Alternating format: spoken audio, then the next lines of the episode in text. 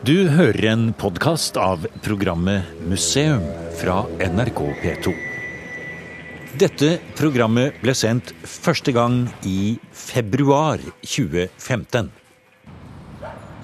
I mer enn 80 år har Finlands nasjonalmuseum hatt liggende en stor samling fotografier og gjenstander fra de skogfinske områdene i Sverige og fra Finnskogen i Norge.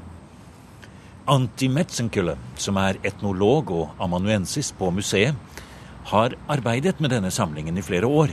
Og nå skal han ta oss med til utstillingen Finnskogar, som åpnet i november 2014, og som er første gang dette materialet vises i Finland. Men det er en så flott vårdag i Helsinki at vi stanser litt ved foten av trappen opp til Nasjonalmuseet og kikker litt på byen sammen med Antti Metzenkølle.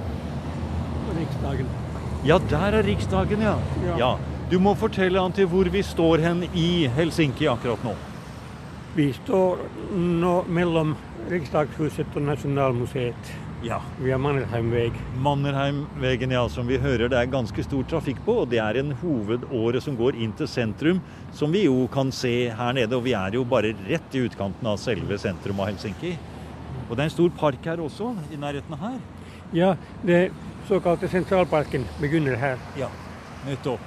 Og for noen flotte hus. Altså, eh, når vi ser på arkitekturen, så er jo det noe som er spesielt eh, kanskje for mange forbinder med Finland. Og det er, men det er veldig stor forskjell på arkitekturen på Riksdagen her og på det huset vi skal inn i nå, altså Finlands nasjonalmuseum. Ja, det stemmer.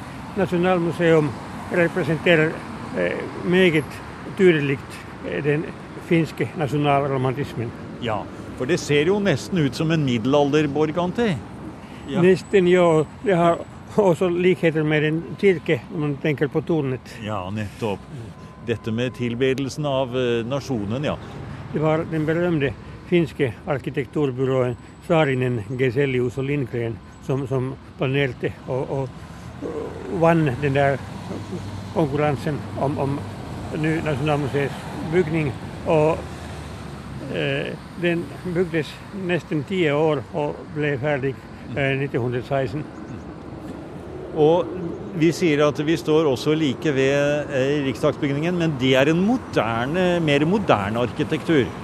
Ja, altså den tiden man begynte å planere Nasjonalmuseet, eh, var Finland ennå en del av Russland. Eh, Men eh, Riksdagshuset er naturligvis eh, en produkt av, av eh, selvstendighetstid. Nå skal vi gå litt inn på siden her, litt bort fra den eh, trafikkerte veien. Og se der, hva er det for et eh, bygg? Det vi ser reiser seg opp der, det ser ut som en, nesten en konsertarena? eller? Ja, det er Finlandia-hus. Ah, Det som er planert av Alvar Aalto, den berømte finske Ja, arkitekt. Fantastisk. Vi går litt inn på sidene her. Går inn nå ved siden av Finlands nasjonalmuseum. Og når vi går inn her i, med granitten og smijernet og dette borglignende, eh, middelalderske arkitekturen på én måte, så sier du, eh, Antti, at dette ble bygget ennå mens Finland var en del av det russiske. Men huset representerer da den nye finske nasjonens historie, og kanskje også søkingen etter den historien. Ja, det var akkurat en tendens til å bevise at Finland og finnene har sin egen historie og sin, og sin egen nasjonell karakter. Ja. Dette med, dette med den nordiske historien, Antti, på vei inn her, kan vi kanskje knytte et par ord til det. For eh, Norge, Sverige og Danmark er nå én ting. Finland har vi eh, på mange måter Altså, jeg vet ikke Har jeg rett i det? Syns du ser, ser finnene på det på samme måte? At man eh, forstår hverandre ikke fullt så godt over til Finland, eller hva er det der vi nordmenn eller sånn ikke helt forstår av det finske når det gjelder identiteten, hvor man hører hjemme hen i verden? Alt dette. Ja, man ser den allerede på folkekulturen at eh, det finske folkelige kulturen har ganske eh, mange innflytelser fra den østlige siden. Og mm, jeg tror at den finske folkekulturen var en kombinasjon av østlige og vestlige element. Og, og eh, eh, når man sier på, på den skogfinske kulturen, så, så, dominerer de østlige elementer. Men overhåret i den finske folkekulturen var, var ganske eh, stor og lykkelig kombinasjon av, av østlige og vestlige elementer. En stor og lykkelig kombinasjon av østlige og vestlige elementer, sier Antti Metsankylle. En nesten poetisk beskrivelse av de historiske, språklige og kulturelle strømningene som den dag i dag preger finsk identitet. Så er du offisielt inne. Der er offisielt inne. Og det er ikke alltid så lett, i hvert fall ikke for et norsk øye, å forstå alt som ligger under i symbolikk og sterke henvisninger til denne historien. F.eks. idet vi går inn i den flotte hallen i Nasjonalmuseets første etasje, hvor det går korridorer ut til de forskjellige avdelingene i den faste utstillingen, og en stor kuppel hvelver seg over med Kalevala som inspirasjonsmotiv. Altså de, de, de alle menneskene der er de Kalevala hero, heroer. Så ser vi at en liten rute er knust i inngangsdøren. Det skal være sånn. Det er kunst, sier Anti. Er det kunst, ja? Det er ikke knust, han sier. Det er fra 18, 1918. For i 1918 var det jo borgerkrig i Finland. De hvite mot de røde. 40 000 døde. Forenklet kanskje man kan si at Finlands borgerskap og middelklasse sto mot bønder, arbeidere og sosialister. Et lite blikk på en i stykker skutt rute får straks en mye dypere betydning. I dette programmet må vi bare la det meste av denne interessante og for oss i Norge altfor lite kjente historien ligge. Men for å forstå den skogfinske utvandringen har det jo betydning å vite at Finland var en del av Sverige helt fram til 1808, da tsar Aleksander den erobret Finland og innlemmet landet i det russiske riket. Slik ble det til 1917-revolusjonen, da Finland fikk sin selvstendighet. Men fortsatt med et vanskelig forhold til den store naboen i øst. Vinterkrigen i 1939–40, da store områder av Finland ble erobret av russerne, og industriområdene i Karelen og inn mot Ladogasjøen måtte evakueres, ble et finsk traume, og var mye av grunnen til at Finland, støttet av Det tredje riket, angrep Russland i den såkalte fortsettelseskrigen, og var alliert med Hitler helt fram til april 1944. Men det lar vi ligge nå, og blir med Antimetsenkille opp i Finnskogar, utstillingen som viser historien til skogfinnene, som utvandret fra Savolaks-distriktet i de dype skoger en gang på slutten av 1500-tallet og begynnelsen av 1600-tallet, og bosatte seg i Midt-Sverige og over grensen til Norge, i grenseskogene fra Solør til Østfold, og med grener helt inn i Telemark. Vi kan gå inn her, ja. Å, se her står det fullt av nevergjenstander. Ja, Ja. for eksempel, ja. Ja. Savolax. Det var ganske øde i den tiden. Det var øde, ja. ja. Og den befolkningen som der var, var akkurat sverigebrukere. ja. Og det er jo fra dette området, sentralt i Finland, at denne utvandringen starter. Og her ser vi et flott eh, bilde ja, på veggen, hvor vi ser det er skravert et område som tilsvarer Savolaksområdet. Og det er jo noe som heter eh, om Finland, at det er de tusen sjøers land og de dype skogenes land. Dette er virkelig de dype skogene i Finland, Savolaks. Akkurat, ja, det, det er som typisk. Som mest typisk. Ja. Da altså Finland og Sverige var samme rik den tiden, og jeg tror at eh, riket så en, en mulighet, derfor at i Sverige og også i Norge var, var eh, slike eh, skogområder som, som var ubrukte. Ja, for det var rett og slett slik at den eh, svenske kronen ønsket denne innvandringen til Sverige, Ja. og lovte dem altså skattefrihet hvis de, hvis de kom inn. Hvor mange er det vi snakker om her eh, som, som reiser over på, helt på slutten av 1500-tallet? Jeg har sett et tall eh, 12 000, men, men eh, jeg tror det er ikke helt eksakt. Men, men vi skal sikkert med sikkerhet si at, at mm, det var mange tusen. Ja. La oss se litt nærmere på det. Her går vi nå inn i utstillingen. Nå står vi foran et stort, flott eh, oljemaleri her, hvor svedjebruket er i full gang, hadde jeg nær sagt. Det er barn og voksne, de brenner skog.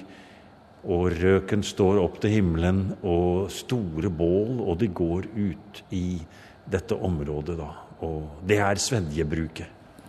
Mm, det er et maleri som jeg tror at nesten alle finner, kjenner til fra skolebøker. Ja, akkurat. Nettopp.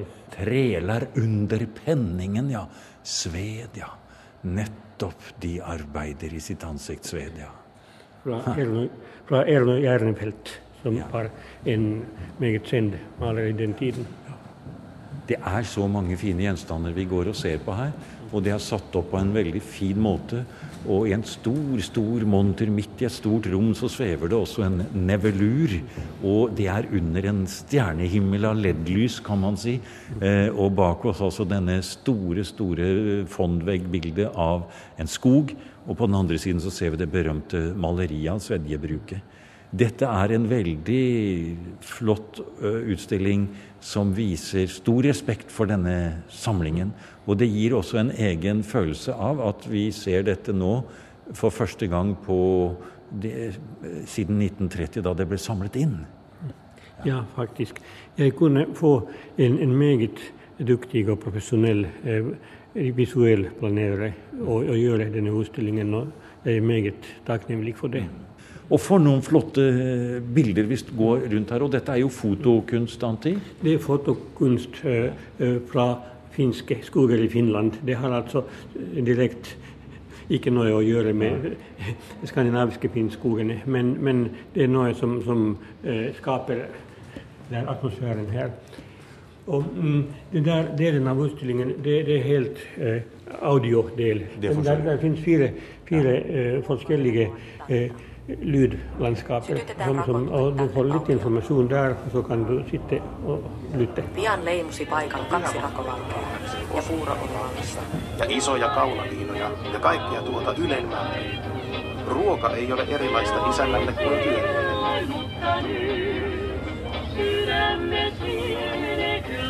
Og lydlandskapene i utstillingen Finnskogar på Finlands nasjonalmuseum inviterer til refleksjon, hvor man kan sitte i små lyddusjer og høre mange forskjellige sider ved livet på Finnskogene. Og hvordan både romantiske forestillinger og myter har inspirert alt fra alvorlige dikt, populærmusikk fra 1950-tallet og Carl Jularbos 'Livet på Finnskogarna' fra 1934.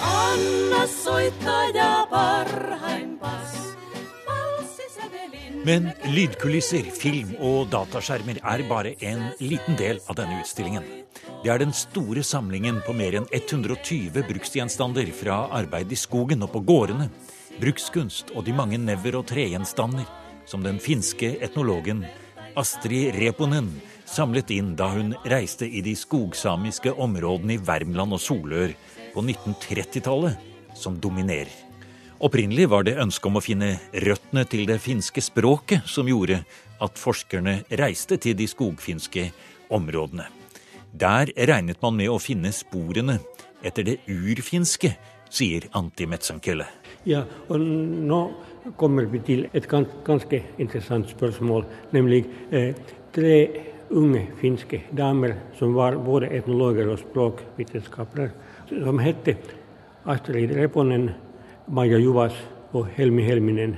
De var unge etnologer som hadde allerede gjort feltarbeid i Finland og eh, litt utenfra Finland også.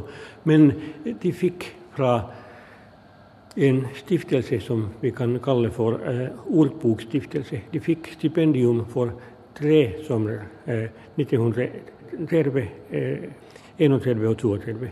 De tre somre var disse, disse, kvinnene for å samle i Solør og Värmland eh, eh, gamle ord, gamle finske ord. Og det var en, en tempestor mengde ord, som 50 000 ord. 50 000 ord, ja. Og det må jo bety at de menneskene, de skogfinnene som de traff i eh, Värmland og i Solør og i Norge, de hadde jo da beholdt mye av sitt finske språk, må jo det da bety. Identiteten, måten man opplevde seg selv på, var veldig sterk i de finske røttene. De, de følte seg som, som, finner. De følte seg som ikke samme folk som, som deres naboer. Og det anser jeg som, som, viktig. Men senere, naturligvis, på 1900-tallet begynte disse eh, finske særdrag ble mer og mer relikter. Mm, de ble mer og mer utdødde og relikter, ja. Eh, vi må vel heller ikke nær sagt romantisere livet på Finnskogen, holdt jeg nær sagt, Anti, for det vi snakker om her, det er jo det er et hardt liv. Det ser vi på gjenstandene her. Det er eh, i, Målt i penger så er det mye fattigdom her, kanskje. Man lever av jakt, fiske og på en måte en tilknytning til naturen som er litt ukjent i dag. Ja, men eh, så jeg må si at, at, det langsomt begynte å bli andre elementer som, som eh, sågarbeidet på svensk, altså CG. Ja, ja, arbeidet på sagbrukene. Sagbrukene ja. og, og gruvearbeidet. Ja. Og, uh, altså det industrielle samfunnet der mm. omkring mm. begynte å påvirke. Ja, nettopp. nettopp. Hvis vi ser på den finske holdningen til de utvandrede skogfinnene, hvilken grad har den skogfinske utvandringen og skogfinnene i Sverige og Norge vært noe den finske allmennheten har vært eh, bevisst om? Jeg tror at mm, den finske allmennheten var ikke alls bevisst om det. Eh, eh, naturligvis slekten visste at, at eh, deres, deres, slektninger hadde flyttet til, til, Sverige og Norge, men, men eh, slike ting kan man glemmer bort ganske snabbt. Og hvis man tenker på mediene og muligheter å kommunisere, eh, så, så var det ikke, ikke så lett. Og, og, men jeg tror at mange av, av disse utvandrere eh, så sine, sine finske slektninger siste gang som de gikk Da de reiste, ja. Nettopp. Mm. Men så blir den skogfinske identiteten hadde jeg nær sagt, gjenoppdaget på begynnelsen av 1900-tallet, da nasjonen Finland får sin selvstendighet i 1917. Og så vokser det frem, har du fortalt, en helt ny gruppe med etnologer og vitenskapsmenn som er interessert i å gjenoppdage eh, finnene. Eh, og, og, da får plutselig den skogfinske identiteten en, en viktig plass i den nye finske nasjonen, kan man si. Ja, man kunne tenke i den tiden at, at det er mulig å finne eh, særtrekk uh, fra finsk folkekultur, fra gammelt finsk språk ja. osv. Derfor måtte de forskere reise dit for å, å, å uh, få en, en, en uh, så å si forsterkning til den finske identiteten. Og det, det, det var altså spørsmål om å så å si bygge nasjonen. Ja, man finner røttene. Ja, ja. akkurat. Ja. Her, her, har vi et fantastisk bilde som Astrid Reponen har tatt. Det viser en mann, Nils Karle, i Hvitsand eh, i, i, Sverige da. Det er en karikatur av ja. avisen eh, fra 60-tallet. Eh, om svenske premierministeren Tage Erlander, som hadde også sine røtter ja, nettopp. I Finnskogen, ja. Hele, hele, familien ser ut som ja. samme, samme grimas som, som Tage Erlander. Og også katten. Også katten, ja. ja. ja. Det er altså her ser vi en masse bilder ruller over en stor eh, vegg her. Noen av disse er Astrid Reponens bilder, men alle er bilder fra Finnskogen. Ja, og alle er fra disse fire mennesker. Albert Hemmerleinen, som senere ble professor, og fra disse tre damer. Ja, nettopp. Mm. Og vi ser at uh, her ser vi bilder fra Grue i Finnskogen, fra 1931. Og det er eh, bondegårder, da, eller løer som eh, Lintorp. Lintorp, ja, nettopp. Hvor de samlet lin. Ja, nettopp. Og det er mange hus etter hverandre. Vi ser altså bygningsskikken. Ja, her ser du peker nå på en tørkesnor med klær som henger. Det viser jo at uh, disse fotografene har kommet midt inn i hverdagslivet. Hverdagsliv, ja, ja, akkurat. Og her er det slåttekaler i Purrala. Ja, fantastisk. De ser rett i kameraet. Og de har nettopp hugget ved, ser vi her. Fantastiske bilder. Uh, den gamle mannen Purranen har hugget ved, står det. Så sitter han fornøyd på en benk og ser i kameraet der. Mm. Ja, akkurat. Fantastisk, altså. Og se på hans hender, Anti. Mm. Ja, ja, De har gjort mye arbeid. Arbeidsmannshender, ja. Det er fra Norge også. Tvengsberg. Tvengsberg, ja. Nettopp. Alle bildene her fra Grue fra 1930-tallet. Og se her! Henger sopelim og redskap ut på veggen. Og en skistav, ser du. Mm. Ja. ja. Og se på alle disse eh, som vi sier, altså høyriver som står langs veggen. Så det er tydelig at det er tatt en gang hvor man var ute og skulle gjøre etterakt, kanskje. Og det var røykstue. Ja, det var røykstuen. Ja. Å, se her ser vi rydningsrøysene. For noen flotte bilder. Og så er de jo så skarpe og flotte bilder. Mm. Ja, Den største vanskeligheten var at vi hadde for mange bilder for å utstille her. Det, det å velge var meget vanskelig. Og her ser vi da fra Østmark i Sverige et lite barn i en vugge. En ny generasjon da skogfinner, som vi mm. ser her. Ja, og en vugge som er typisk svensk, ikke finsk. Nettopp. Her er det en badstue, selvfølgelig, hvor Johan Olsson står foran badstuen sin. Røkbadstue, naturligvis. Røkbadstue, ja. ja. Og dette vi ser her, det er jo fotografier, bilder, vi ser gjenstander. Og det er også dette med språket som du har fortalt om, som var så spesielt. Og også hele denne identiteten som har blitt holdt fast gjennom flere hundre år. Ja.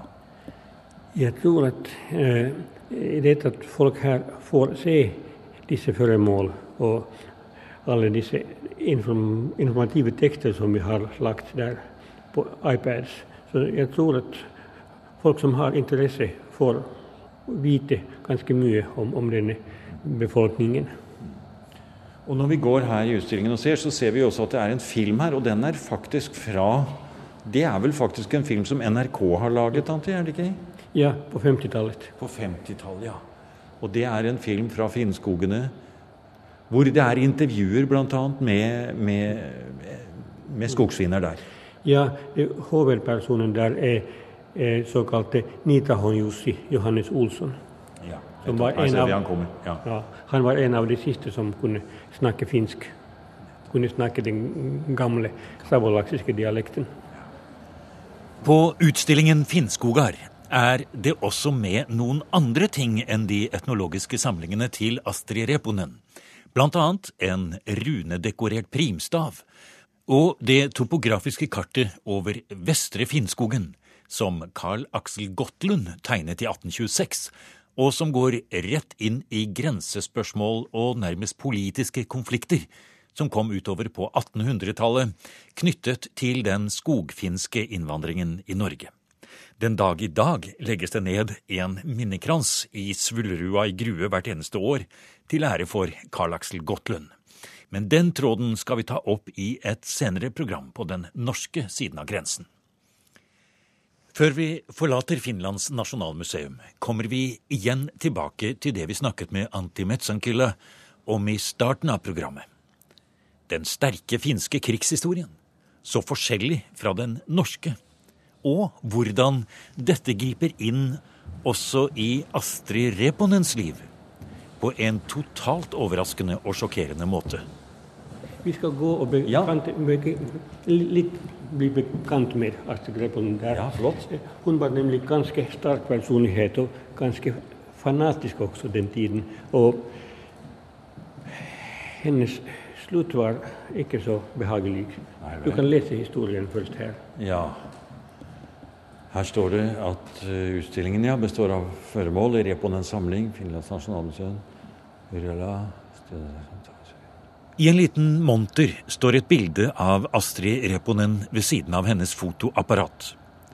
Antti Metsankylle har laget en tekst hvor det står at da Finland ble tvunget til å skrive under på fredsavtalen i Moskva etter vinterkrigen i 1940, og derigjennom avsto store landområder til Sovjetunionen, mente Astrid Reponen at dette var feigt og skammelig. For å vise sin protest gikk hun inn i riksdagsbygningens foyer og begikk selvmord ved å skyte seg.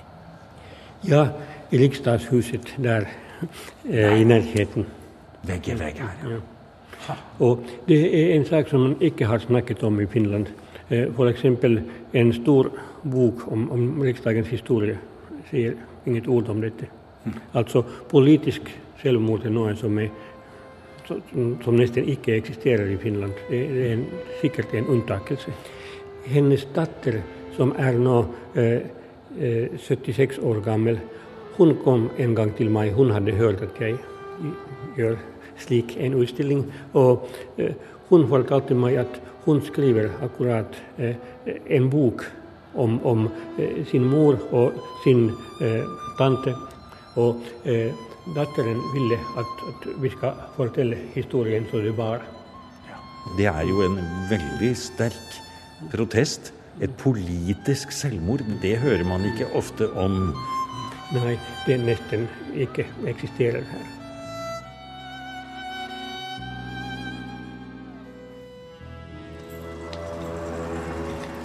Du har hørt en podkast fra NRK P2. Send gjerne en e-post til museum krøllalfa nrk.no.